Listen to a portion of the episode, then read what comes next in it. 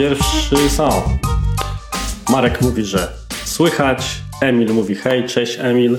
Tomku, daj znać, że ciebie też słychać. Widać, że nas słyszysz. Ja, ja słyszę, słyszę i widzę też te komentarze. Cześć, miło mi, jest ok, wszyscy potwierdzają, więc ciebie Artur słyszę, komentarze widzę, także możemy chyba powoli ruszać. Bardzo mi miło. Tak, podobno według wszystkich wskazówek live'ów, o czym pewnie ty jeszcze powiesz i wiesz najlepiej, właśnie trzeba dać tę pierwszą minutę na rozruch, żeby ludzie mogli się pojawić, Tak, tak. oswoić sytuację. Stare sztuczki, wpisujcie miasta. Tak, dokładnie, nie? Kto najdalej, obliczcie później najdłuższą odległość, tak będziemy robili, nie? Szczebrzeszyn, tym podobne. Moja ekipa jest rozproszona, więc tak się bawimy regularnie, kto gdzie jest i w jakiej odległości od siebie. Kiedyś nam wyszło, że parę tysięcy kilometrów, wiesz, musielibyśmy zrobić, gdyby tak cały zespół odje- objechać w ramach tournée. Miałem taki szalony pomysł, że w tym roku będę wszystkich odwiedzał, po czym ciach, pandemia i siedzę, siedzę na tyłku. Niezła liczba. No to jest dobre na rozruch live'a, natomiast gorzej jest dla tych, którzy później włączą sobie retransmisję, nie? I muszą przez pierwszych parę minut e, oglądać. Ale no to jest specyfika, specyfika tego. Rzeczywiście, no lepiej mieć pewność, że wszystko słychać, zanim zaczniemy rozmawiać i mówić o tym, co jest najistotniejsze.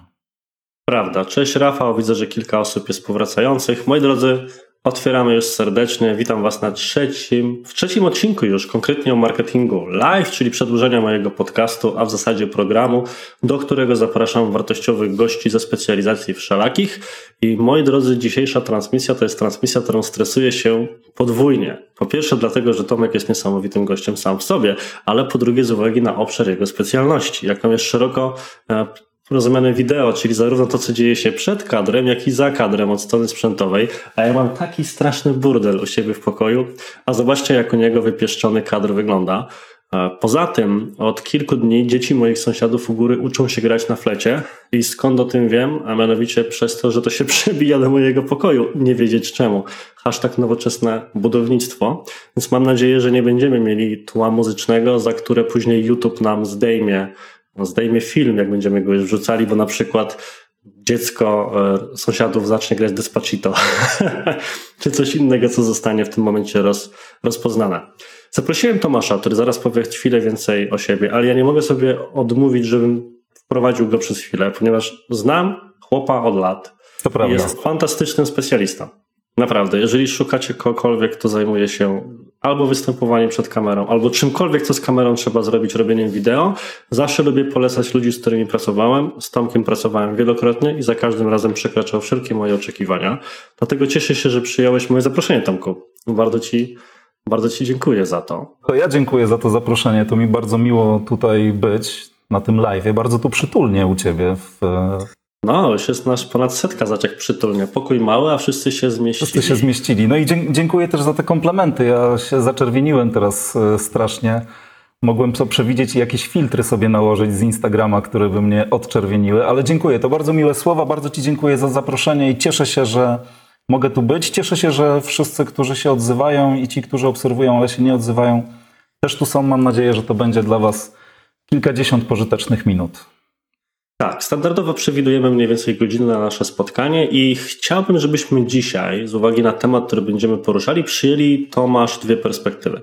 E, Pierwsza sprawa, bo będziemy rozmawiali o występowaniu przed kamerą, zarówno taką właśnie jak ty w tej chwili masz laptopową, choć ciężko poznać z uwagi na jakość kadru, jak i taką, która ma za zadanie służyć do kursów online, szkoleń online czy wystąpień. I chciałbym właśnie, żebyśmy za każdym razem rozmawiali o dwóch perspektywach. Jedna to jest perspektywa osoby, kogoś, kto po prostu te i raz, i dwa, i trzy, i cztery. Czy nas słychać? Czy nas widać? Dzień dobry bardzo. Dajcie proszę znać. Zobaczymy zaraz, czy nam się tutaj pojawi jakaś szalona lista odbiorców. Na ten moment streamer jeszcze nikogo nie zarejestrował, ale zobaczymy. Prawa to jest perspektywa kogoś, kto musiał nagle e, przenieść swoją działalność do sieci i zacząć bawić się w takiego youtubera, streamera, czy jakkolwiek byśmy to nie mieli nazwać i zacząć właśnie robić swoje wykłady. I takimi rzeczami będziemy zajmowali się i mam przygotowaną listę pytań, bardzo trudnych pytań jak zawsze, do Tomka w tym zakresie. Ale na samym początku Tomek, powiedz kilka słów o sobie dla tych, którzy jeszcze Cię nie znają. Okej, to na, nazywam się Tomasz Pasiut, jestem e, właścicielem e, i założycielem firmy 1film.pl, która zajmuje się produkcją filmów promocyjnych i materiałów wideo, kontentu wideo dla firm, a od miesiąca, półtora miesiąca też e, więcej niż kiedykolwiek e, wcześniej realizacją właśnie streamingów, e, transmisji wideo, webinarów czy nagrań materiałów szkoleniowych, bo tak jak powiedziałeś, e, duża część, duża część firm przeniosła się online ze względu na tę sytuację i no, u mnie się tak zdarzyło, że wiele projektów, które były w styczniu, w lutym planowane dotyczące realizacji filmów, scenariuszy, briefów i tak dalej, te wszystkie rzeczy zostały zawieszone, wszelkie relacje wideo z e, konferencji i eventów zostały całkowicie odwołane, natomiast no, ruszyła właśnie ta online'owa rzeczywistość streamingowa.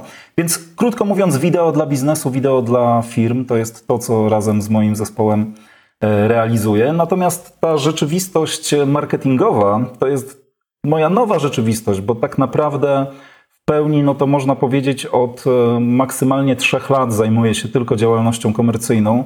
Natomiast mój background zawodowy i, i doświadczenie i wiedza, którą zdobywałem wcześniej, to jest background telewizyjny. Ja przez ponad 10 lat pracowałem w telewizji, byłem dziennikarzem, reporterem e, w TVN24, gdzie realizowałem e, reportaże, materiały newsowe, ale też film dokumentalny, taki pełnometrażowy z Iraku, więc ta moja rzeczywistość to była rzeczywistość telewizyjna i dziennikarska, a dzisiaj jest to rzeczywistość e, marketingowa, wideomarketingowa i współpraca z firmami. Super, to jest rzeczywiście bardzo przekrojowe zazdroszczenie, którego nie jeden ci pewnie zazdrości. I z uwagi na to, co powiedziałeś właśnie o tym, jak teraz cały ten biznes, od czego też wyszliśmy, musi siłą rzeczy przenosić się na działania online. I tak jak my w firmie, czy część naszych klientów, czy inni ludzie na rynku nagle zaczynają występować przed kamerą, czy to na żywo, czy nagrywają filmy po prostu, które później mają być gdzieś puszczane, pojawia się szereg problemów i umówmy się, absolutnie podstawowym problemem i takim dość ogólnie sformułowanym, więc myślę, że będzie fajnym punktem wyjścia do dyskusji, jest strach przed występowaniem przed kamerą w ogóle, że jak wyjdę, jak sobie z czymś takim poradzić, jak zwalczyć w sobie ten lęk przed nagrywaniem, tudzież streamowaniem czegokolwiek. To jest zupełnie naturalny lęk i e, przyznam szczerze, że ja też go mam, e, może teraz mniej niż kiedyś miałem, bo pracując w telewizji najczęściej byłem obok kamery, a nie przed kamerą. Takie wejścia na żywo w telewizji zdarzały mi się sporadycznie, najczęściej stałem po prostu obok kamery, więc e, rzeczywistość, w której teraz występuję przed kamerą, u ciebie na live, czy na swoich nagraniach, które wrzucam, wrzucam na przykład na LinkedIna, to też miałem tremę. E, natomiast rzeczywiście wydaje mi się, że w swoim pytaniu dotknąłeś e, sedna problemu, czyli to pytanie, jak, e, jak wypadnę, jak zostanę odebrany, jak zostanę oceniony. Pierwszym krokiem, żeby sobie poradzić z tą tremą przed kamerą, to jest po prostu o tym zapomnieć. No i najzwyczajniej w świecie to zignorować, bo Wideo jest przede wszystkim formą komunikacji, komunikacji dwóch osób, ja i odbiorca. Jeżeli sobie postawię e, odbiorcę na pierwszym miejscu, a nie siebie, nie to jak ja wyglądam, nie to jak ja się zachowuję, nie to co część sobie osób o mnie pomyśli, tylko to jak odbiorca, który chociażby teraz ogląda tego live'a, E, jaką on wartość dostanie z tego mojego wystąpienia, no to ten stres już właściwie w połowie, w połowie mija, bo nie przejmuje się tym, czy ktoś mnie będzie dobrze odbierał, tylko przejmuje się tym, żeby wszystko to, co ja wiem, przekazać osobom, którym może się to przydać. Więc to byłaby pierwsza rzecz, taka właściwie psychologiczna. No ja nie jestem psychologiem, więc nie chcę w to wchodzić w głęboko, ale po prostu zapomnieć o tym, że jesteśmy oceniani i tym się aż tak bardzo nie, nie przejmować, tylko skupić się na komunikacie, który chcemy przy pomocy tego wideo przekazać. Natomiast druga rzecz, żeby pokonać ten strach, to jest się z nim, trzeba się z nim po prostu oswoić i zacząć się jak najczęściej nagrywać. E, zacząć się nagrywać, zacząć się oglądać i po prostu przyzwyczaić się do siebie przed e, kamerą i wtedy ten stres e, niewątpliwie mija. Dzisiaj mamy bardzo dużo narzędzi, które ułatwiają oswojenie się, chociażby stories dostępne właściwie już e, no, w każdym portalu społecznościowym.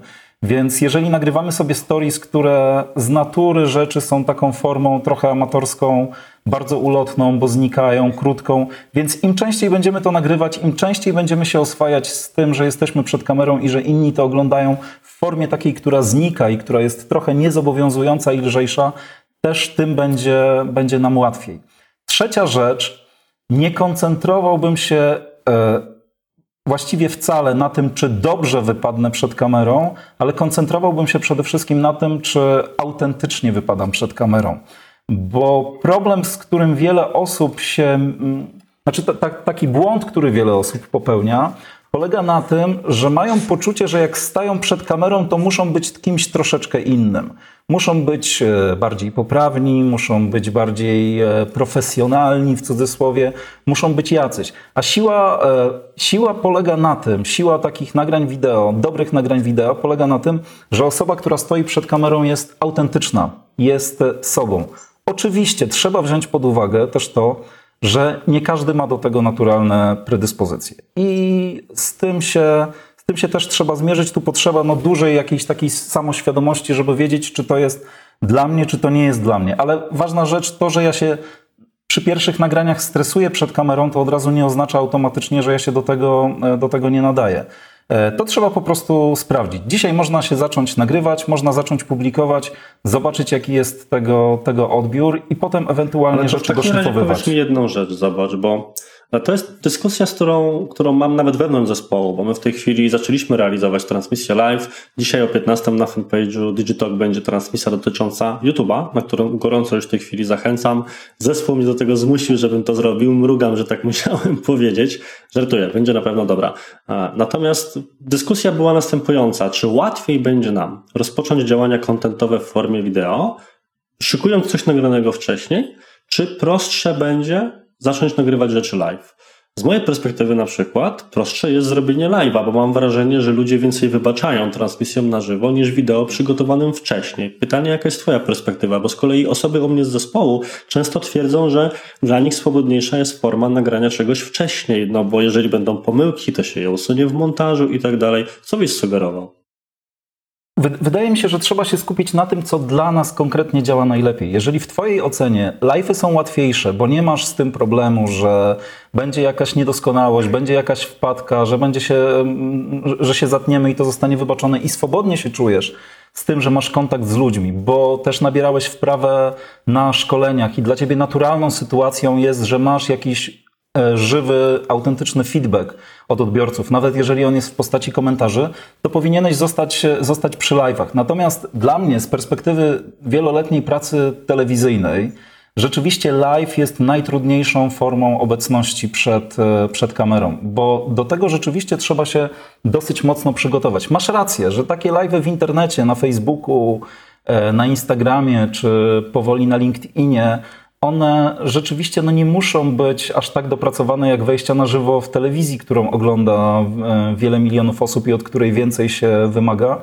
Natomiast rzeczywiście podczas wejść na żywo wymagana jest pewna energia, pewna płynność, pewne bardziej precyzyjne przygotowanie, które można sobie odpuścić podczas nagrań. I tutaj w pełni się zgadzam z Twoim zespołem, że nagrania wcześniejsze dają formę mm, takiej pewnej furtki bezpieczeństwa. Bo jeżeli rzeczywiście coś nie pójdzie, bo jeżeli się zatniemy, zatniemy tak mocno, nie mówię o pojedynczych przejęzyczeniach, bo one nawet dobrze i autentycznie wypadają przed kamerą, to rzeczywiście można to zedytować. Można też ten materiał skrócić i dostosować do tego, żeby rzeczywiście tylko zostały te rzeczy najlepsze. Ale jeżeli dla kogoś, tak jak dla ciebie, ta forma żywego kontaktu, bieżącego, e, autentycznego jest lepsza, no to powinien iść tą, zdecydowanie tą drogą. Tutaj też trzeba wziąć pod uwagę, że jeżeli chodzi o wideo, tak jak o jakąkolwiek komunikację, to nie ma jednego, jedynego właściwego e, wyjścia, bo każdy się będzie odnajdował w czymś innym. Nawet w telewizji różne są formy osobowości telewizyjnych, różne są formy bycia e, przed kamerą. No zupełnie kim innym jest e, Kuba Wojewódzki, a zupełnie kim innym jest Wojciech Mann czy Krzysztof Materna. To są zupełnie skrajne, skrajne osobowości, zupełnie się od siebie różnią, ale każdy z nich wypada dobrze, bo jest sobą i tę swoją osobowość wykorzystuje przed kamerą w 100%. Mam takie wrażenie, że coraz bardziej zmierzamy w kierunku tego tematu, który myślę, że musimy poruszyć. Wspomniałeś już o autentyczności. Przed chwilą w kontekście wejść live powiedziałeś o wyższym niż standardowy poziomie energetycznym, więc z Twojej perspektywy, z Twojego doświadczenia, co decyduje o tym, że ktoś przed kamerą wypada wiesz, dobrze, że chce się go oglądać, a ktoś wypada źle, wydaje się sztuczny, zestresowany? Jak jest, jaka jest taka lista czynników czy punktów, które byś wymienił? No pierwszy i, auto, absolutnie najważniejszy to wrócę do tego autentyczność. To znaczy, jeżeli ktoś jest sobą, jeżeli mówi swoim językiem, jeżeli zachowuje się w naturalny sposób, to ogląda się go dużo lepiej niż kogoś, kto przyjmuje jakąś pozę, bo kamera ma coś, co ja nazywam takim czujnikiem fałszu. I kamera wyczuwa fałsz na kilometr. Jeżeli ktoś będzie udawał przed kamerą, e, to niestety polegnie. Ja się z tym często zderzam podczas e, nagrań dla klientów, kiedy staje przed kamerą prezes dużej firmy i którego rzecznik, czy tam specjalista od PR-u, czy szef marketingu wcześniej wysyłał na jakieś szkolenia medialne. I ten prezes na tych szkoleniach, temu, tego prezesa na tych szkoleniach po prostu wbito w gorset. I normalnie jest to energetyczny chłop z ikrą, prawdziwy lider, który mówi prostymi słowami, wali prosto z mostu, ale na szkoleniach medialnych mu nawbijano, że on przed kamerą powinien, wiesz, ręce w piramidkę, powinien jakieś gesty albo tak, albo w ogóle nie robić e, gestów, powinien zacząć używać słów, których na co dzień nie używa, co prowadzi do przejęzyczenia. I on wtedy zamiast myśleć o tym, co ma powiedzieć, zaczyna myśleć o tym, jak ma się zachowywać. I ewidentnie widać, że jest spięty, że jest sztuczny, że nie jest sobą. Więc autentyczność jest najważniejsza. Żeby ją osiągnąć, powinniśmy się skupić na tym, co mamy do powiedzenia, co chcemy przekazać, a nie na tym, jak wypadamy, jak oglądamy. Na tym się można skupić potem, oglądając sobie. Okej, okay, może to nie jest fajne, nie wiem, że ja się cały czas za ucho łapię przed kamerą i się skupię na tym, żeby to, żeby to wyeliminować ale w pierwszej kolejności powinniśmy się skupić na tym, żeby być e, sobą. Druga rzecz to rzeczywiście jest energetyka. Zachowując tę autentyczność i zachowując to bycie sobą, e, ja mam taką tezę, że mm, kamera jest czymś w rodzaju takiej trochę grubej szyby z pleksji, przez którą trzeba się przebić.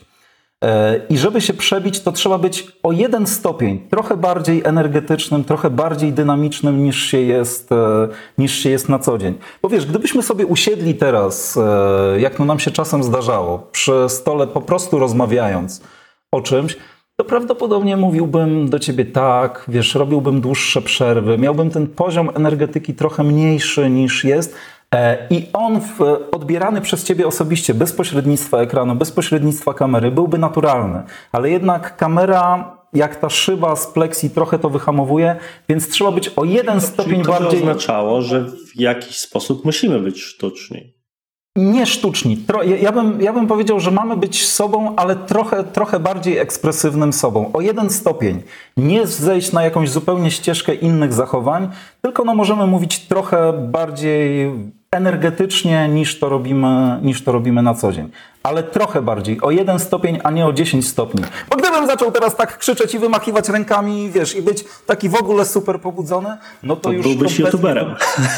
To, byłbym, to byłbym youtuberem i zarabiałbym kupę kasy, tak jest. A powiedz mi, bo to, co mówisz, jest oczywiście bardzo ważne, ale mam takie wrażenie, że e, drastycznie byśmy uprościli temat, gdybyśmy sprowadzili to tylko do bądź sobą, bądź sobą, a wszystko inne będzie dobrze. Natomiast wiadomo, że forma występu przed kamerą, czy to w formie live'a, czy takiego pre-recorded material, jest jednak pewną próbą wypadnięcia jak najlepiej i tym, czym ludzie się najbardziej stresują, to właśnie tym, jak zostaną odebrani. Czy są jakieś proste, nie chcę powiedzieć triki, bo to jest słowo pejoratywnie nastawione, ale techniki, metody sprawienia, żeby na przykład osoba, która występuje przed kamerą, wydawała się pewniejsza siebie niż rzeczywistości, bardziej charyzmatyczna, często kwestia gestykulacji, utrzymywania kontaktu wzrokowego, tonu głosu, wiesz, wyższego albo niższego. Czy jest coś takiego, czy wydaje mi się, że to w ogóle istnieje? Nie ma jednego, nie ma jednego wzorca. Natomiast, e, bo tak jak mówiłem, no, Kuba Wojewódzki jest pobudzony przed kamerą, Wojciech Mann jest e, powolny, mówi niskim, powolnym głosem i obaj przed kamerą wypadają e, świetnie i bardzo dobrze. Natomiast jeżeli, jeżeli chcemy rzeczywiście wypaść, wypaść dobrze, to na pewno pomaga przygotowanie. Na pewno pomaga jeżeli chcemy coś powiedzieć, to warto jest sobie to uporządkować, co chcemy powiedzieć, podzielić na jakieś drobne kawałki, bo to sprawia, że ludzie, kiedy widzą, słyszą porządek w wypowiedzi, e, generalnie lepiej ją odbierają. E, rzeczywiście to bądź sobą jest uproszczeniem i brzmi jak taki wyświechtany, wyświechtany slogan, natomiast bardzo będę cały czas zachęcał do tego, żeby nie żyć w przekonaniu, że obecność przed kamerą wymaga zachowania według jakiegoś określonego wzorca, bo takiego wzorca, e, wzorca nie ma. Nie dla każdego też na przykład obecność przed kamerą czy komunikacja przy pomocy wideo to będzie mówienie do kamery, czyli tak zwana gadająca, gadająca głowa. Być może dla kogoś, kto nie wiem, kto zajmuje się gotowaniem i niespecjalnie lubi o tym opowiadać, lepszą formą będzie po prostu pokazywanie własnych rąk, kiedy tam gotują, smażą, mieszają i, zrobię, i robienie z tego jednominutowych klipów. To też jest też jest forma takiej komunikacji e, wideo, ale zupełnie inna niż gadająca głowa. Natomiast jeżeli będziemy się trzymać tej gadającej głowy, to doradzałbym przygotowanie, e, uporządkowanie tematu, podzielenie go na jakieś punkty. Warto też, ja to, jeżeli czyli nagrywam na przykład, czyli scenariusz. Warto też nie owijać w bawełnę i nie uciekać w dygresję. Kamera nie lubi dygresji, nie lubi długich ucieczek. Widzowie, jeżeli oglądają krótkie filmy, dwuminutowe na Facebooku, na Instagramie czy, czy na LinkedInie, e, my walczymy o ich czas, więc dobrze jest w tym scenariuszu od razu w trakcie pierwszych sekund powiedzieć, o co nam chodzi i jaka wartość z tego popłynie dla widza, a nie trzymać go w niepewności przez długi czas. Wiesz, błąd, który widzę, jeżeli chodzi o materiały wideo publikowane w mediach społecznościowych, jest taki, że powiela się schematy stosowane w telewizji czy, czy w kinie kinie, jeżeli siadamy, siadamy na dwugodzinny film i weszliśmy akurat z dworu, to 30-sekundowa czołówka z ryczącym lwem, która spowoduje, że usiądziemy, plus napisy początkowe, żeby wszystkich wyciszyć i skupić się na filmie, jest jak najbardziej właściwa. Natomiast jeżeli mamy dwuminutowy materiał na LinkedIna czy na Facebooka, to rozpoczynanie go 15-sekundowym intrem z logo nie jest najlepszym pomysłem, bo po prostu zabieramy czas. I ktoś nawet jeżeli przez te 15 sekund przebrnie, to potem się dowie, że ten materiał w ogóle nie jest dla niego. Więc w ciągu 3, 5, 6 sekund mówmy od razu o czym to będzie, a potem to coś podzielmy sobie na punkty i to, co też warto, e, warto stosować przed kamerą, moim zdaniem, to jest mówienie jak najprostszym językiem. Nie prostackim oczywiście, bo no, no chyba, że ktoś patostreamy będzie publikował, to co innego, ale jak najbardziej prostym językiem, bo e, Jedna, jedna, jeden z błędów, który jest stosowany, to to, że wypowiedzi do kamery mają formę pisanego eseju. Język pisany jest zupełnie inny niż język mówiony i przed kamerą dobrze wypada język mówiony, czyli żadne zdania wielokrotnie złożone, żadne dygresje, jak najmniej bardzo skomplikowanych e, słów, to na pewno też pomaga, e, pomaga w odbiorze. I jedna absolutnie ważna rzecz, natomiast to jest błąd, który stosuje może nie 90, ale z 75% osób, które zaczynają swoje wypowiedzi, e, czy, czy nagrywać jakiś content wideo, bądź zaczynają się komunikować przy pomocy właśnie wideo, to nie uczcie się tekstu na pamięć, bo to jest, e, to sprawia, uczenie się tekstu na pamięć od razu zabiera całkowicie autentyczność. To znaczy, jeżeli się nauczymy tekstu na pamięć, to nie skupiamy się na tym, żeby ktoś zrozumiał to, co mówimy, tylko skupiamy się na tym, żeby ten tekst e, wyrecytować. Więc nie ma sensu uczyć się tekstu na pamięć, bo po pierwsze brzmimy sztucznie, po drugie wystarczy, że pomyli nam się w głowie pojedynczy spójnik, czy, czy jakiekolwiek drobne słowo i od razu cała, cała wypowiedź nam się wywala, od razu zaczynamy się plątać, mieszać i to powoduje, że widzowie nie będą na pewno tego oglądać. Okej, okay, aczkolwiek, mm, czy nie chcę to oczywiście bronić, bo też jestem przeciwnikiem uczenia się czegoś takiego na pamięć, czy bo to brzmi po prostu jak ktoś by czytał z promptera i przemówienie partyjne przypomina.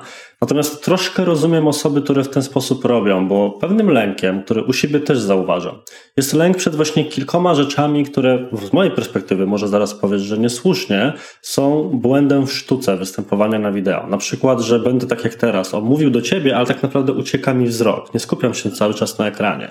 Albo ludzie boją się, ja również, że coś będą mówić i za chwilę się zatną yy, i będą te wszystkie, to ma taką ładną nazwę, zdaje się, pauzy wokalne, coś takiego. Wiesz, i to jest identyfikowane jako pewien błąd. I teraz pytanie twoje, czy pytanie moje do ciebie, jako do osoby doświadczonej w tym temacie, czy widzowie tak mocno zwracają uwagę na tego typu drobne potknięcia, czy właśnie nie powinniśmy się tym przejmować i działać w tym kontekście le lepiej tak, niż nagrywać coś wcześniej? E, zdecydowanie widzowie nie nawet jeżeli zwracają uwagę na drobne potknięcia, to są w stanie przejść nad nimi do porządku dziennego, jeżeli komunikat jest płynny. Poza tym, jeżeli to jest drobne potknięcie, raz na jakiś czas, to naprawdę nie ma się tym co, co przejmować. Natomiast jeżeli to miałaby być maniera, no to oczywiście należałoby ją wyeliminować i zastanowić się, skąd wziął się problem.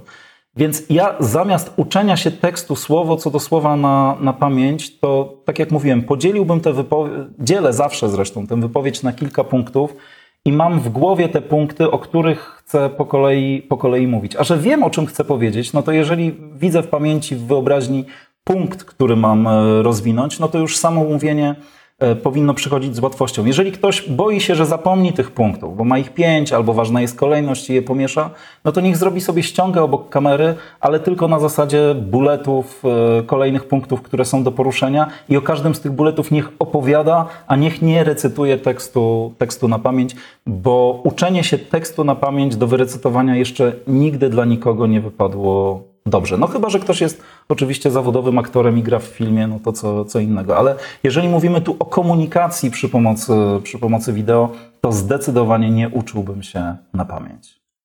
A powiedziałeś, że jeżeli zdiagnozujemy u siebie z pomocą własną czy cudzą jakieś maniery, to warto z nimi walczyć. To czy są jakieś ćwiczenia, techniki, które zalecasz, żeby na przykład poradzić sobie z tym, że ktoś robi przydługie pauzy albo często mówi, yy, czy właśnie ucieka mu wzrok? Co można zrobić, żeby to wyeliminować? Najlepszym ćwiczeniem jest nagrywanie się na sucho. Po prostu. No mamy teraz taką, taką możliwość, bo każdy ma smartfona i może się na nim nagrać. Jeżeli wiemy, że mamy problem z jakimś jednym e, zjawiskiem, typu właśnie te przydługie pauzy, albo nadużywanie słów, e, nadużywanie jakiegoś słowa, które staje się manierą i potem drażni widza i odciąga jego uwagę od istoty tej wypowiedzi, to skupiłbym się tylko na tym jednym wątku i nagrywał się po prostu na sucho jak najwięcej e, razy bo no nie ma, tu nie ma innego, innego sposobu. No to tak jak z jakimkolwiek ćwiczeniem, ćwiczeniem fizycznym, czy z jakąkolwiek umiejętnością manualną. Jeżeli nie powtórzymy tego wystarczającą ilość razy na treningach czy, czy podczas prób, to się nie, nie oswoimy. Na pewno jeżeli chodzi w ogóle o swobodę wypowiedzi przed kamerą, czy właśnie eliminowanie tego typu rzeczy, nie ma żadnych trików i no, po prostu ich nie ma, które sprawią, że jak włącznikiem da się coś e, wyeliminować. Tutaj tylko praktyka, praktyka i praktyka, oglądanie siebie. Pokazałbym też te nagrania innej osobie, która nas zna, ale też nie pytał jej, czy wypadam dobrze, bo dobrze zawsze będzie subiektywne i też trudno na to pytanie odpowiedzieć. Poza tym, jeżeli to będzie nasza żona, mąż, dziewczyna, mama, to i tak zawsze powiedzą dobrze, żeby nie sprawić nam przykrości, ale spytałbym, czy wypadam autentycznie, czy ja rzeczywiście taki jestem, jak, jak tutaj na tym ekranie. Mm, natomiast też ze zdumieniem przyjmuję to, że jeżeli ktoś zaczyna się nagrywać albo występuje w telewizji, czy przychodzi jakieś swoje pierwsze próby, mówi: Ja nie lubię siebie oglądać. No to wydaje mi się, że to bez oglądania siebie to nie da się wychwycić tych rzeczy i nie da się nad nimi popracować. Więc jeżeli zaczynamy, nie mamy jeszcze tej świadomości, nie mamy jeszcze tej swobody, to nagrywałbym siebie jak najwięcej na sucho, oglądał i eliminował te rzeczy, które mnie denerwują, albo spytał właśnie też innych osób, czy rzeczywiście to, co mnie denerwuje, jest aż tak bardzo irytujące irytujące dla innych, bo wiele osób, które zaczynają ćwiczyć przed kamerą, mają w głowie, że coś, że jakiś sposób ich zachowania, czy jakiś element ich wyglądu jest straszny i nieakceptowalny i skupiają się tylko na tym, okazuje się, że w ogóle nikt nie zwraca na to, na to uwagi. Więc ćwiczyć, oglądać, zbierać feedback i no i tyle. Okej, okay. myślę, że to cenne, co mówisz, szczególnie właśnie, żeby pewne rzeczy się nie bać, bo to są bardziej ograniczenia, które sami wkładamy sobie do głowy niż realne problemy. Wiesz, to też jest, też jest tak, jeżeli to jeszcze mogę rozwinąć, że czasami, wiesz, ludzie próbują przed kamerą mówić o rzeczach, na których się niekoniecznie zda, znają i które niekoniecznie im są, e, wiesz, nie, nie, są łatwym tematem e, dla nich, więc e, jeżeli z czymś takim mamy do czynienia, to też bardzo mocno, bardzo mocno usztywnia. Bo jeżeli mówię o czymś, o czym nie mam pojęcia, no to cały czas się będę stresował, że źle wypadnę. Natomiast jeżeli mówię o czymś, co wiem, albo dzielę się swoimi opiniami, które są moje własne, osobiste, to też dodaję dużo swobody przed kamerą. Chciałem jakiś cięty komentarz na temat live'ów w mojej branży w tym momencie dodać, ale sobie odpuszczę. Okej, okay, słuchaj, poświęciliśmy już prawie pół godziny przy zabawie Czas mija, żali się obejrzysz. Tematyce tego, jak występować przed naszą o, kamerką, ty swoją, ja w tej chwili swoją. Natomiast chciałbym właśnie jeszcze skupić się trochę o tym, co jest od strony kamery i ewentualnie za kamerą, w twoim przypadku tło i myślę, że osoby, które nas teraz oglądają bardzo dobrze widzą kontrast między tym, jak to jest przygotowane po mojej stronie. No, zdecydowanie przygotowane. U mnie, u mnie nie ma gitary. To prawda.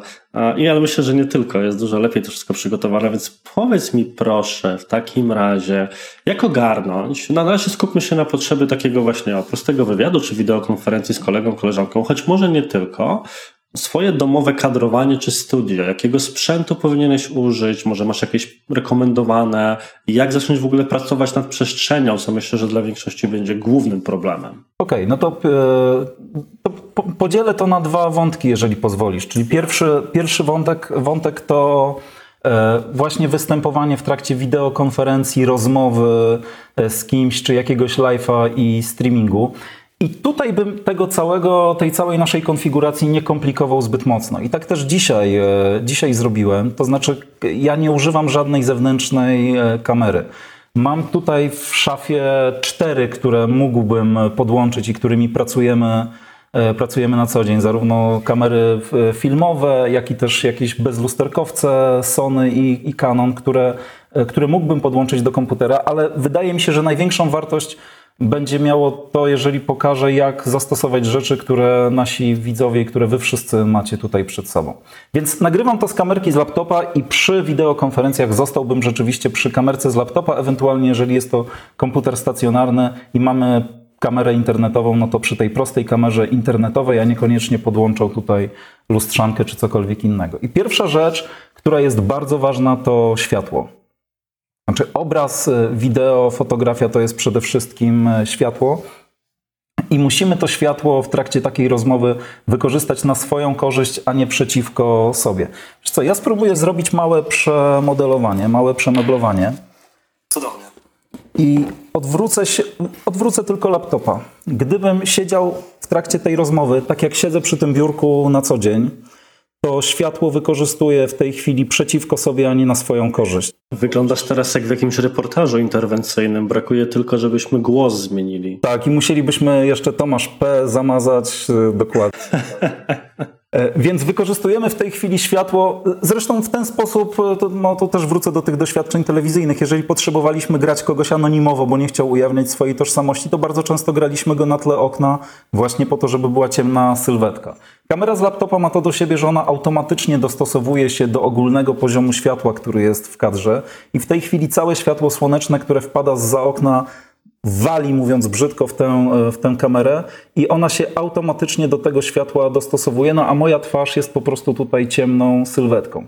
Więc najprostszy sposób, żeby wykorzystać światło na swoją korzyść, a nie przeciwko sobie, to usiąść twarzą do okna, czyli znowu obracam laptopa i w tej chwili całe to światło, które wpada z zewnątrz, ono po prostu oświetla moją twarz. I wydaje mi się, że w większości wypadków, jeżeli zaczynamy tworzyć jakikolwiek content wideo, nie ma sensu kupowanie drogich paneli LEDowych, czy softboxów e, nieco tańszych, czy w ogóle jakiegokolwiek zewnętrznego oświetlenia, tylko wykorzystanie tego, co mamy za darmo, czyli światła słonecznego, bo ono jest po pierwsze darmowe, po drugie jest bardzo dobrej e, jakości i warto je wykorzystywać właśnie w ten e, sposób.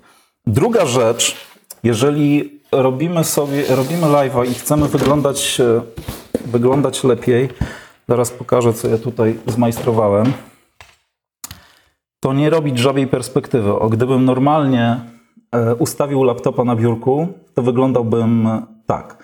Niestety żabia perspektywa, czyli ta perspektywa z dołu, z odchylonego ekranu laptopa jest dla nas szalenie niekorzystna, bo ona, no nawet jeżeli nie pogrubia, bo ten mój drugi, na ten mój drugi podbródek to ja sam zapracowałem e, latami, to nie jest e, wina kamery, ale ona ewidentnie go eksponuje. Więc trzeba po prostu sobie tego laptopa, żeby wyglądać lepiej, podnieść. Ja mam tutaj zwykłe tekturowe pudełko, już pokazuję. Stawiam je pod laptopa.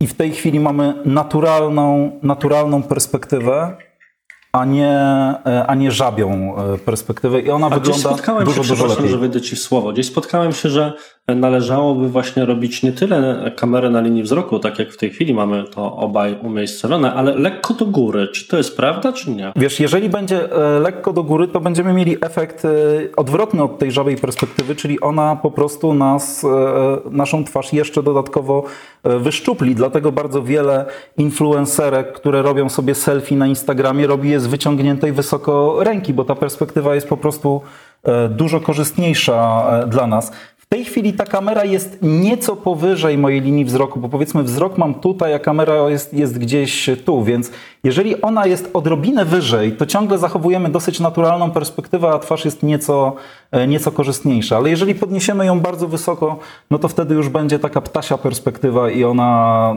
ona będzie dziwna po prostu. Więc troszkę powyżej linii, e, linii wzroku, jeżeli będzie to oko kamery umiejscowione, to będzie dużo, e, dużo Czyli lepiej. światło jako pierwszy punkt, kamera w linii wzroku jako drugi punkt. Co jeszcze? Trzecia rzecz to kadr. Bardzo często, bo teraz e, przez to, że mamy koronawirusa i rzeczywiście cały świat jest online, to można się naoglądać e, nie tylko w trakcie takich e, wideokonferencji służbowych czy biurowych, ale też w transmisjach telewizyjnych, bo tam politycy i eksperci są też zapraszani, e, zapraszani poprzez właśnie komunikatory. Bardzo często jest tak, że jest no, tak, albo wielka głowa w kadrze, ktoś siedzi bardzo blisko laptopa czy telefonu i to no, nie wygląda zbyt fajnie, nie jest to komfortowe dla widza. Albo w ogóle ma jakoś tak dziwnie ustawiony ten laptop, że ta głowa gdzieś tam, wiesz, jest malutką główką, która sobie e, daleko, daleko sięga. Więc tutaj powinniśmy zastosować tak zwane półzbliżenie. Półzbliżenie to jest sposób kadrowania postaci w języku filmowym, który się zaczyna od klatki piersiowej w górę. Odrobinę dosłownie przestrzeni nad głową zostawiamy, żeby ten kadr nie ucinał głowy o tak. Natomiast półzbliżenie jest najbardziej korzystne, bo to daje taką formę poczucia, że rzeczywiście jesteśmy tuż obok tej rozmowy, tej, tej osoby i rozmawiamy z nią twarzą, twarzą w twarz. Nie jest to zbyt bliskie, bo taki bardzo bliski kadr tworzy bardzo duże napięcie i stresuje widza, ale daje to formę takiej naturalnej, e, naturalnej rozmowy. Też ważna rzecz, którą chciałbym dodać, zanim przejdę do kolejnego, e, do kolejnego punktu, to jest to, że to nie są zasady, które zostały gdzieś usta e, ustanowione przez jakąś międzynarodową komisję do spraw kadrowania postaci podczas wideokonferencji. Tylko robimy to wszystko po to, żeby osoba, która jest po drugiej stronie, mogła się w pełni skupić na tym, e, co mówimy, a nie na jakiś, nie, nie była zestresowana, czy nie miała poczucia jakiegoś napięcia, rozproszenia wywoła, wywołanego tym, że coś jest dziwnie, że jest dziwne światło, dziwne kadrowanie i tak dalej. Czyli podsumowując dotychczasowe kroki, światło na swoją korzyść na twarz, drugie nie żabia perspektywa z dołu, tylko naturalne, może być nieco powyżej wzroku, ale gdzieś mniej więcej na tej wysokości kamera. I trzecie kadr to półzbliżenie, czyli od klatki piersiowej e, w górę. Czwarta rzecz, ale właściwie od niej powinienem zacząć tworzenie, e, tę listę, to dźwięk. Dźwięk jest bardzo, bardzo ważny. E, Ja jestem akurat tutaj, ponieważ zasygnalizowałeś mi przed rozmową, że również będzie podcast z tego nagrania, więc nagrywam ten dźwięk przy pomocy mikrofonu bezprzewodowego, który mam i nagrywam to na zewnętrzny rejestrator, który też jest e, tutaj podpięty do komputera. Natomiast wystarczą, wystarczy zwykły, absolutnie zwykły zestaw słuchawkowy, jeżeli nie mamy zewnętrznego mikrofonu w trakcie takiej wideokonferencji, żeby poprawić dźwięk. Bo jeżeli będziemy siedzieli w takiej odległości od laptopa, to mikrofon jest bardzo daleko i efekt będzie, to będzie cały czas głos e, z puszki. Czekaj, ja chyba w tym StreamYardzie mogę nawet to Tak, możesz przełączyć się tam w ustawieniach na mikrofon innego rodzaju. Okej, czyli teraz jestem chyba na mikrofonie, e, na mikrofonie z laptopa i wydaje mi się, że chyba słychać e, zdecydowanie różnicę. Jest różnica. Dobra, to wracam, wracam do mikrofonu tego, który, e, który był. Czyli czwarty, czwarty punkt to zdecydowanie mikrofon. Nie trzeba tutaj kupować Bóg wie czego, zwłaszcza, że e, taką trudnością, która odróżnia samo nagrywanie filmiku od takiej rozmowy na żywo jest to, że musimy też e, słyszeć. Więc jeżeli do laptopa, tak jak u mnie, podepniemy mikrofon, to on automatycznie blokuje, e, blokuje dźwięk, e, więc zaleta zestawu słuchawkowego jest taka, że i mamy mikrofon blisko ust i to daje lepszą jakość dźwięku, ale też jednocześnie słyszymy. Piąta rzecz, bardzo ważna, chyba ostatnia, to tło, które wybieramy sobie do takiej, e, e, do takiego nagrania czy do takiej telekonferencji. Pierwsza, najważniejsza zas- zasada, jeżeli chodzi o wybór tła, to ono nie może rozpraszać. E, I to powinno nam przyświecać jak najmocniej. To znaczy, jeżeli w tle za sobą miałbym, nie wiem, Gitarę. gitarę albo wulgarny, wulgarny plakat z jakąś rozebraną panią. O, przes- przesunąłem kamerę, żeby nie było widać. No, to bardzo słusznie, jeżeli zastosowałeś się do tej zasady już wcześniej. Ale na pewno by przyciągał uwagę. Więc e, gdybyście mieli taki plakat e, jak Artur w swoim pokoju, to też e, lepiej go pod, jako tła nie wykorzystywać, bo on będzie po prostu odciągał uwagę. Podobno ma, podobno ma, dementuje. To on będzie odciągał uwagę i rozpraszał. Znane są też z nagrań czy z wejść telewizyjnych takie postacie jak bohater drugiego planu, który tam rozmawia przez telefon i macha, bo jest na żywo. No to wtedy ten prowadzący czy ten reporter może przed kamerą mówić nie wiadomo jak mądre i wartościowe rzeczy. A właśnie, ale powiem, to jest świetny wątek. Przepraszam, że tak ci wejdę w słowo, ale od razu narodziło mi się kolejne pytanie. Jak, jakby nie było, teraz wszyscy mamy te warunki polowe, nagrywamy e, w domach. Ja straszyłem, że być może będziemy słyszeli piękną grę mojej sąsiadki na flecie.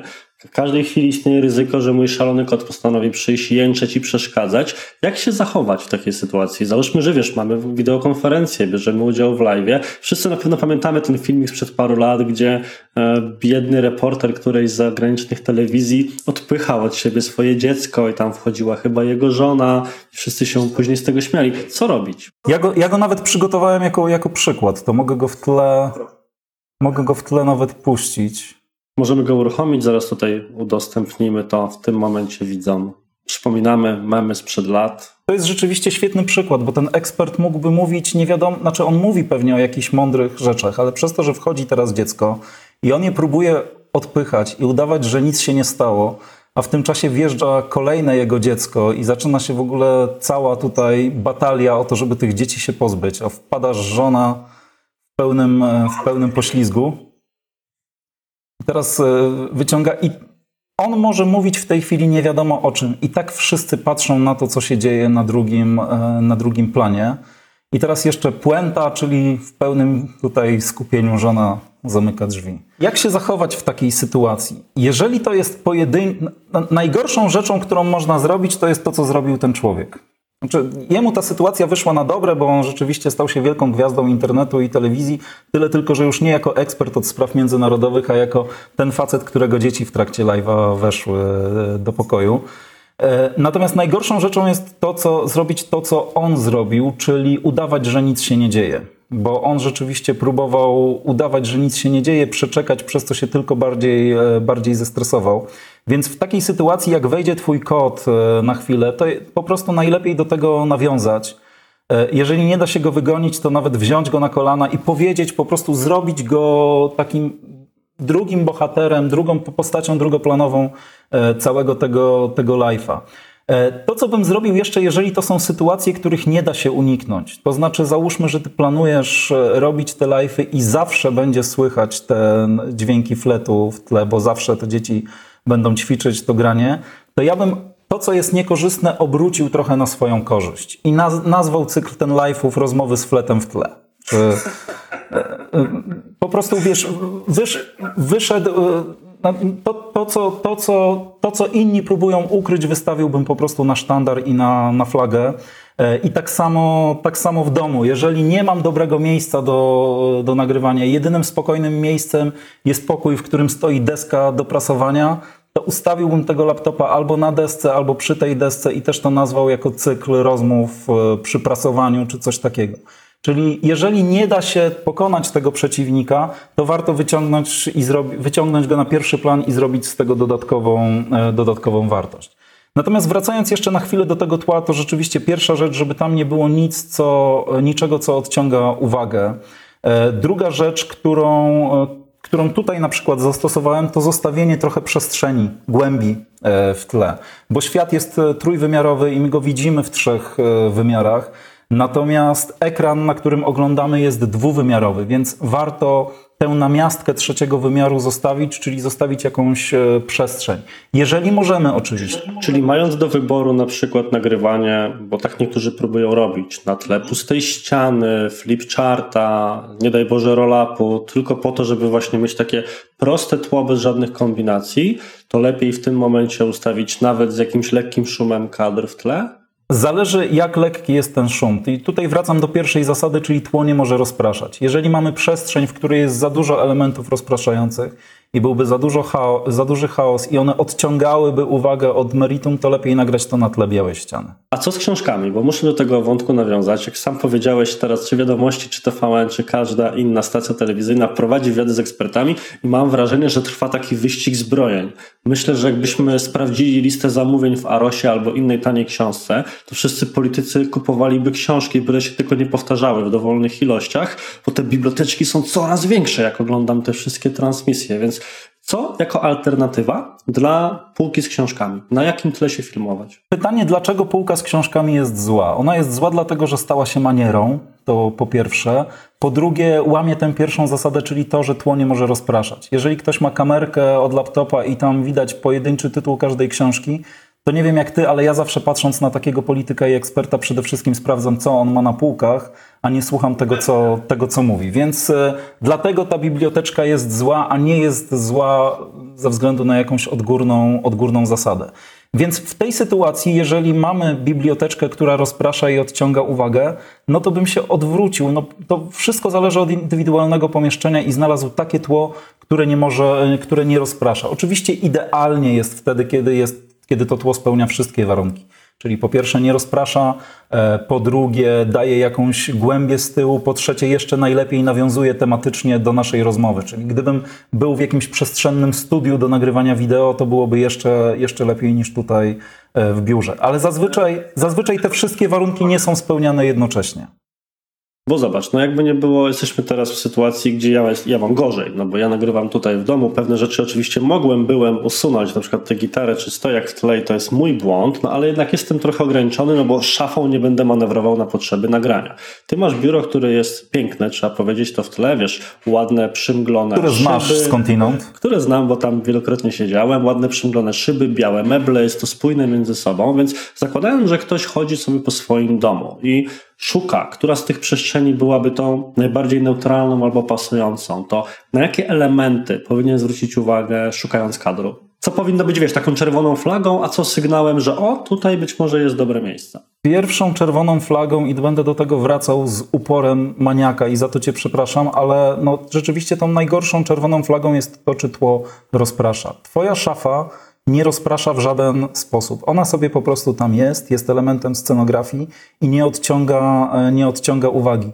Gitara też nie odciąga uwagi. Statyw może bym zabrał, gdybym się ustawiał do tego, do tego live'a, e, ale te pozostałe, pozostałe rzeczy, one nie odciągają, nie odciągają uwagi e, i nie ma potrzeby tutaj szukać, szukać innego miejsca. Więc jeżeli tam nie ma nic, co by znacząco rozpraszało, no to, y, no to zostałbym po prostu przy tym, y, przy tym tle.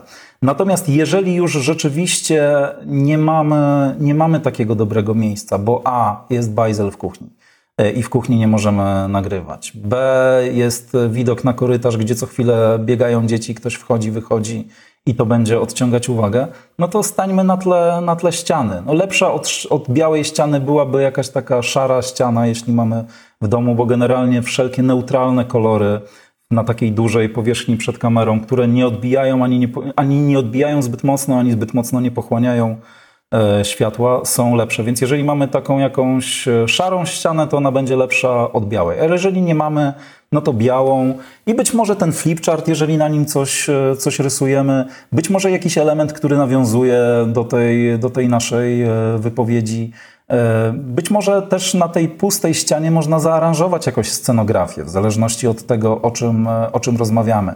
To znaczy, jeżeli będzie ktoś, kto, kto uczy grać na gitarze, czy opowiada o gitarze, to jak, jakaś druga stojąca gitara będzie fajnym elementem scenografii, który można tam e, przestawić i który będzie nawiązywał do tematu tego naszego wideo. Jasne, Tomku. Udało nam się przez 50 minut unikać jednego tematu i wiesz, bardzo się cieszę, że wszystkie Twoje odpowiedzi i rady były bardziej pod kątem tego, jak się przygotować do pewnych rzeczy, czy to mentalnie, czy po prostu ustawiając e, swoje sprzęty, ale zawsze jest tak, że jednak ludzie proszą o pewne rekomendacje, czy jest jakiś mikrofon w miarę tani, czy kamerka internetowa, która pomogłaby nam podciągnąć jakość tego wideo, które rekomendujesz, bo sprzętów na rynku jest pełno, kosztują od kilkudziesięciu do kilkuset złotych. Sam się przekonałem, że te droższe nie zawsze są adekwatnie lepsze. Być może jako realizator z dużym doświadczeniem masz coś, co mógłbyś podpowiedzieć.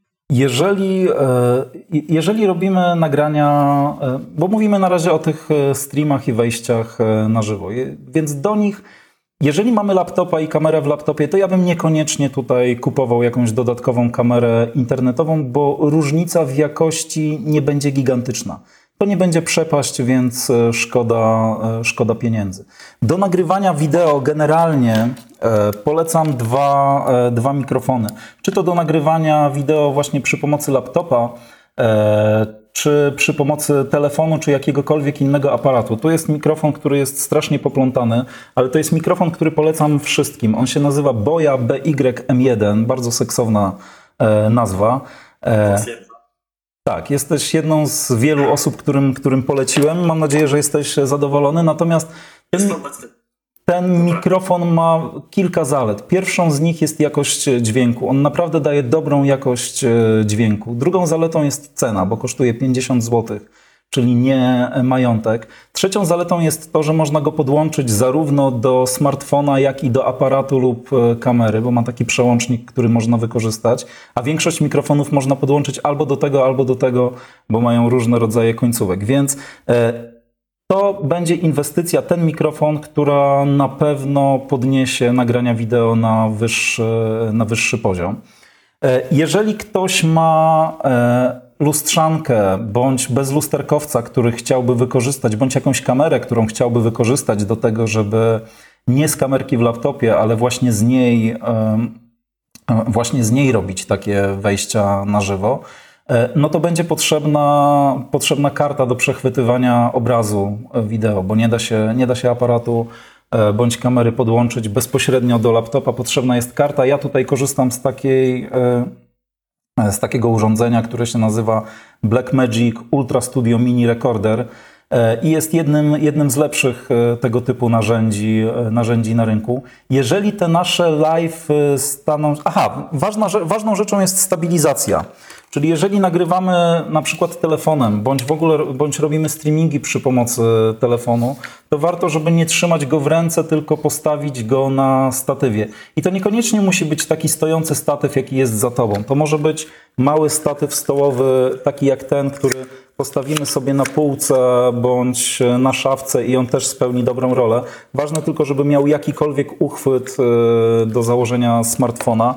Może to być też rzecz jeszcze prostsza, czyli na przykład taka klamra, którą wystarczy do półki przyczepić, na nią ten uchwyt od, e, do smartfona zamontować i już e, możemy, możemy działać. Może to być, być też, ja bardzo często content wideo na LinkedIna nagrywam przy pomocy tego urządzenia. To jest przyssawka do szyby. Przyczep, e, zaczepiam ją na szybie, która jest właśnie tutaj, dzięki czemu stoję bardzo blisko okna, które daje mi dobre światło i już bez budowania jakiegoś wielkiego setupu mam całkiem niezły obraz obraz wideo. Więc e, na początek im prościej, tym, e, tym lepiej. Jeżeli nie mamy jakiegoś dużego budżetu do, do wydania, do już nie mówię o streamingu, ale też o nagrywaniu wideo, czyli powiedzmy poniżej, jeżeli chcemy wydać mniej niż 2000 czy około 2000 zł, to ja bym do nagrywania wideo pozostał przy smartfonie. Większość smartfonów, które dzisiaj mamy, naprawdę nagrywa rewelacyjny obraz, e, obraz wideo. Natomiast jeżeli, jeżeli ten smartfon przestaje nam, e, przestaje nam wystarczać, i chcemy koniecznie kupić jakiś aparat do nagrywania kontentu wideo, to w okolicach 2000 zł, gdybym miał coś polecić, to będzie Canon M50. Jeżeli miałbym polecić coś w okolicach 3,5-4 tysięcy złotych, to będzie Sony A6400, a jeżeli chcemy kupić najbardziej taki e, znaczy aparat, który nie zostawia już żadnych kompromisów, jeżeli chodzi o nagrywanie wideo i który bym kupił, gdyby ten budżet nie był kwestią, to bym kupił Sony A6600 i on Podobnie jak e, nazwa kosztuje właśnie około 6 tysięcy, więc to już są bardzo duże pieniądze, e, zwłaszcza jeżeli ktoś e, zaczyna. Więc jeżeli zaczynamy. Może tak Sony wymyśla swoje nazwy, że wiesz, mówią, hmm, ile to będzie kosztowało na rynku? No damy tam 6 koła, to nazwijcie go A6000. Dokładnie tak. Fantastyczne. Więc, więc jeżeli, jeżeli zaczynamy, to naprawdę na początek trzymałbym się nagrywania wideo z smartfonem bądź korzystania właśnie z kamerki w laptopie. Tu też ciekawostka właśnie o tych rzeczach dotyczących ustawienia ustawienia laptopa nagrałem Jakiś czas temu krótki film na LinkedIna, właśnie korzystając wyłącznie praktycznie z kamerki w laptopie, czyli absolutnie najgorszego sprzętu do nagrywania wideo, jaki mam e, tutaj u siebie. I to wideo stało się, no, no, miało takie zasięgi, jakich nie miały żadne inne materiały, które publikowałem wcześniej razem e, wzięte. Więc e, ważna też wskazówka jest taka, że to nie, nie sprzęt, a zawartość jednak decyduje o tym, czy coś się sprawdza. Pierwszą rzeczą, którą bym zainwestował mając smartfon, to ten mikrofon Boya BY-M1, a drugą rzeczą cokolwiek do ustabilizowania. Czy to będzie statyw taki stołowy, czy taki wyginany, który można sobie dostosować e, do, e, do, do tego, gdzie chcemy postawić. Czy to będzie klamra za 12 zł do zaczepienia na półce czy na szafce. Ważne, żeby po prostu ten obraz był stabilny i nie latał. Super, fantastycznie. Dlatego, tak jak mówię, bo to nie sprzęt gra główną rolę, tylko jednak osoba przed kamerą, dlatego celowo zostawiłem to pytanie jako tak naprawdę ostatnie, bo powoli zbliżamy się już do godziny naszej rozmowy. Mnie się fantastycznie z Tobą rozmawia. Dała przyjemność po mojej stronie. Możemy się Ale chciałbym jeszcze, żebyśmy dali chwilę na potencjalne pytania od naszych widzów, więc jeżeli ktoś miałby pytanie do Tomasza w zakresie właśnie czy to realizacji nie daj Boże sprzętu, aczkolwiek może też. Jest, pytanie, jest pytanie do ciebie o sprzęt. Czy ta gitara to Epiphone? Już odpowiedziałem, ta gitara to Yamaha, ale jedno pytanie do ciebie wcześniej też się pojawiło. Nie wiem, czy wychwyciłeś. Jędrzej Paulus pyta, to pojawiło się w kontekście, zdaje się, kadrów, jak przyjąć prowadzenie QA. Ja myślę, że generalnie generalnie te zasady, zasady się, zostają te same. No jedyna rzecz, z którą będziemy mieli do czynienia, Rozumiem, że to QA w takiej formie, jaką mamy teraz, tak? Czyli pytania pojawiają się w formie czatu czy, czy komentarzy, a nie tego, co my robimy. E, no to po prostu uciekamy na chwilę wzrokiem w stronę pytania, a potem odpowiedź jest e, prosto, prosto do kamery. E, na pewno wymaga to, wymaga to większego, większego skupienia, bo trzeba śledzić jednocześnie te pytania i na nie odpowiadać. Myślę też, że dobrym pomysłem, jeżeli to jest w ogóle możliwe, to jest poprosić kogoś o pomoc, kto będzie czytał, selekcjonował te, te pytania, a my będziemy tylko na nie odpowiadać przed kamerą. Natomiast jeżeli jesteśmy sami, no to wracam tutaj do tej autentyczności. To, że ja w trakcie, w trakcie odpowiadania na pytania, czy w trakcie przerwy zerkam na pytania, które się pojawiły i potem dopiero na nie odpowiadam e, do kamery, to nie jest chyba nic e, złego i spokojnie tym wzrokiem na chwilę w stronę pytań, czyli w stronę ekranu można uciekać.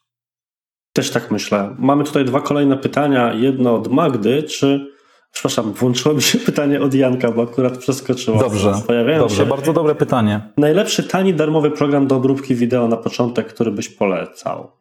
Wszystko zależy od tego, jakim systemem operacyjnym dysponujemy. Jeżeli mamy Maca, to iMovie, który jest e, za darmo w systemie i rzeczywiście jest prosty, intuicyjny i większość rzeczy potrafi e, ogarnąć. Jeżeli mamy Windowsa, to polecam program HitFilm Express, który jest też zupełnie darmowy. Jest całkiem niezłym e, i rozbudowanym e, programem do montażu wideo. Jest dostępny i na Windowsa, i na Maca. Przy czym na Macu chyba na ten początek to jednak sięgnąłbym po iMovie.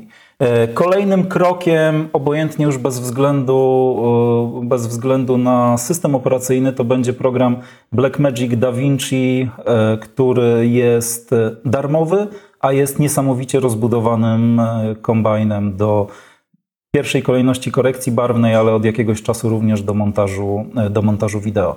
Natomiast też przy okazji powiem, że możemy spokojnie montować na telefonie. Dzisiaj to jest w ogóle właśnie niesamowite, że dzisiaj możemy nagrać, zmontować i opublikować e, wideo korzystając wyłącznie przy pomocy, wyłącznie ze smartfona. Więc e, na smartfonie ja używam programu KineMaster e, Pro, który jest, mimo że jest na smartfonie, to jest całkiem rozbudowanym, rozbudowanym programem do montażu, ale jeżeli macie iPhone'a, to na iPhone'ie jest też iMovie, podobnie jak na Macu i też jest całkiem niezłym programem.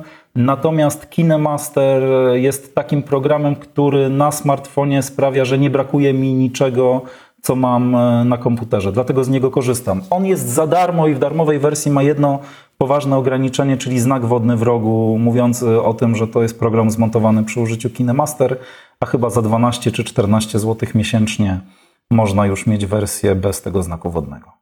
Tak mówiłeś o tym, czy można zerkać na pytania. Teraz ja się czuję jak takie twoje oczy do patrzenia na te pytania, bo cały czas tutaj monitoruję nasz czas. Zawsze możecie, zawsze możecie poprosić Artura i on wam te pytania przeczyta. To, co powiedziałeś zgrabnie łączy się z pytaniem Magdy, które na chwilę wyświetlę. Czy mógłbyś potem napisać nazwę mikrofonu polecanych aparatów? Myślę, że możemy to podciągnąć również pod e, programy, które, które, które wymieniłeś. Jasne, mogę, mogę napisać, tylko ty musisz powiedzieć, w jakiej formie to zostanie opublikowane i gdzie to można będzie zobaczyć. Myślę, że spokojnie po prostu dodamy to jako komentarz, ewentualnie notatkę do tego, do tego odcinka, ale żeby właśnie te osoby, które oglądały nas na żywo, nie czekały zbyt długo, to będę wdzięczny, jeżeli możesz to nawet podesłać do mnie i ja zadbam odpowiednią dystrybucję do osób, które nas oglądają. Także Magda, na pewno się to pojawi. Dzięki za Twoje pytanie. W, w, ogóle też przy okazji, przy okazji tego pytania Magdy, jeżeli mogę się, mogę się wtrącić, jeżeli macie jakieś pytania, na które nie zdążyliśmy tutaj, tutaj odpowiedzieć, to bardzo zachęcam Was do tego, żebyście do mnie napisali na Messengerze, szukając po prostu Tomasz Pasiut, albo na LinkedInie. W ogóle, jeżeli mogę Was prosić, jeżeli był ten live dla Was wartościowy, bo ja, moim LinkedIn jest moją główną formą, takiej podstawową formą działalności online'owej, a jesteście na LinkedInie, to, to dodajcie mnie do kontaktów, napiszcie, że właśnie widzieliście mnie na live'ie i śmiało piszcie na LinkedInie czy na Messengerze, ja na wszystkie pytania Wasze odpowiem. Bardzo Uprzedziłeś chętnie. trochę moje finalne pytanie, którym chciałem nasze spotkanie za chwilę parę zakończyć. Gdzie Cię szukać? I też przyłączam się do apelu, żeby Tomka obserwować, bo publikuję tam filmy, które są w podobnej poetyce, jeżeli chodzi o temat dotyczący tego, co teraz rozmawiamy, prawda? Czyli rzeczy związane z realizacją wideo i naprawdę polecam obserwować na LinkedInie. Tak, a że, że na razie, że na razie no, trzymam, się, trzymam się tego LinkedIna, bo, no bo czas i siły i energia i zasoby nie pozwalają, żeby to rozbudować na wiele mediów na razie, a LinkedIn rzeczywiście daje mi najlepsze efekty nie tylko zasięgowe i nie tylko budujące moje ego, że tam ludzie klikają i mi się to podoba, ale też, też biznesowe, to na razie się trzymam tego LinkedIna bardzo mocno, więc jeśli jesteście na LinkedInie, to tam najłatwiej mnie znaleźć, ale jeżeli napiszecie do mnie na Messengerze jakiekolwiek pytanie, to o ile tylko umiem, to chętnie na nie odpowiem.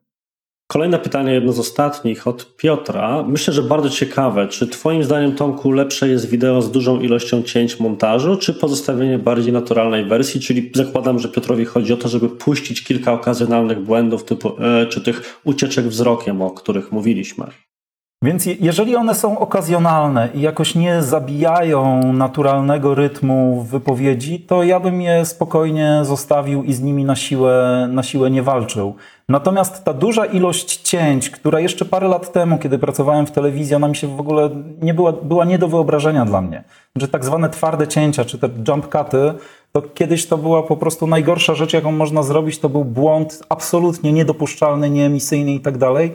Dzisiaj dzięki YouTube'owi, dzięki YouTuberom, którzy uczynili z tego no, pewien rodzaj języka, który stosują i który dodaje energii i dynamiki, to one też są jak najbardziej do, do zastosowania. Dla wielu osób te twarde cięcia też ułatwiają nagranie, bo mają poczucie, że nie muszą powiedzieć wszystkiego jednym ciągiem przez 5 minut, ale mogą sobie mówić to kawałkami, a potem dynamicznie to po prostu pociąć i to też się ogląda. Więc jeżeli te y, błędy czy pomyłki nie zabijają naturalnego rytmu i nie odciągają od wypowiedzi, to bym nie zostawił, ale te twarde cięcia, ostre cięcia, jeżeli mamy taką możliwość i one zdynamizują, sprawią, że ten nasz materiał się po prostu lepiej ogląda, to, to można ciąć. Okay, pytań, moi drodzy, jest wiele, ale nie chcę też przetrzymywać zbyt długo naszego gościa, więc jeszcze ostatnie pytanie, które wydaje mi się szczególnie interesujące na tle wszystkiego, co powiedziałeś przed chwilą, Tomku. Pytanie od Joanny, czy te zasady dotyczą również nagrywania na przykład stories, więc czy zawsze warto wszystkie te rzeczy ustawiać i pilnować, nawet kiedy mamy nagrać po prostu kilkunastosekundowy materiał, tak jak zresztą zapowiedź, którą wrzucałeś bezpośrednio przed naszym live'em? Jeżeli chodzi o stories, to powiedziałbym, że nie tylko że niektóre zasady warto, ale na pewno nie wszystkie i, i, nawet się nie powinno. To znaczy, stories rządzą się swoją poetyką. Język stories, e, stories same w sobie są taką ulotną formą, trochę e, z założenia amatorską, i widzowie tego oczekują, że to będzie taki spontaniczny, szybki kontakt, a nie coś wymuskanego. E, I nawet tak jak widzę firmy czy duże marki, które wrzucają reklamy profesjonalnie nagrane na stories, to one powodują w trakcie tego naszego oglądania stories pewien, pewien zgrzyt. Więc e, zasady dotyczące na przykład wykorzystania światła, no to pewnie bym wykorzystał, no bo to lepiej, że nas widać i jesteśmy oświetleni niż e, ciemna sylwetka. E, ale na pewno nie ma co tworzyć wymuskanego studia tylko po to, żeby nagrać, nagrać stories, bo to będzie tam po prostu, nie powiem, że nie warto, ale tam to w tamtej poetyce będzie po prostu nie na miejscu. Powiem Ci, Tomku, że chyba dzięki temu pytaniu i kilku innym, które się pojawiło, mamy temat na następną rozmowę. Bo powoli Bardzo będziemy chętnie. kończyli. Czuję się, za, czuję się zaproszony. Ja Ci bardzo dziękuję. Była najdłuższa rozmowa, jaką do tej pory z gościem nagrałem. Co prawda dopiero jesteś trzecią osobą, która występuje, ale myślę, że naprawdę będzie to jeden z dłuższych live'ów pod tym kątem. Jestem zachwycony Twoimi odpowiedziami. Dziękuję, bo były konkretne i merytoryczne. Chętnie usłyszę, tudzież przeczytam relacje innych osób. Co sądzicie? Więc jeżeli podobało Wam się spotkanie z Tomkiem, napiszcie o tym. Jeżeli chcielibyście, żebym raz jeszcze zaprosił go do programu, również dajcie znać. Myślę, że Tomek da się namówić. Jeżeli odpowiednio duża liczba ludzi zacznie go obserwować na LinkedInie, prawda? Mieliśmy około 150 gości na live, więc tak jak jedna trzecia konwersji będzie, to na pewno się zgłosi. Ile, ile, było, było gości? Mniej więcej 150 kilku przez sporą część trwania programu, nawet teraz jeszcze jest z nami 122 osoby. Myślę, że fantastyczny wynik. Bardzo dziękuję każdemu, kto znalazł czas w środku dnia, żeby nas posłuchać. Jest to oczywiście, Tomku, Twoja zasługa i Twoich odpowiedzi, że udało się utrzymać relacje nasze. Bardzo mi. Uwagę. A ja dziękuję za zaproszenie. Naprawdę. Ja po pierwsze lubię o tym rozmawiać, więc jeżeli jeszcze komuś to się przydaje, to już w ogóle podwójna radość. Także wielkie dzięki za zaproszenie, Artur. Cieszę się, że mogłem tu być. Jeżeli chcecie być na bieżąco z kolejnymi odcinkami moich live'ów i innych rzeczy i kiedy po raz kolejny pojawi się u nas Tomek, to zapraszam Was do grupy, którą podlinkuję w komentarzach po tym, jak już zakończymy transmisję. A za obecność dzisiaj wszystkim dziękuję, miłego popołudnia i cześć. Cześć, do zobaczenia.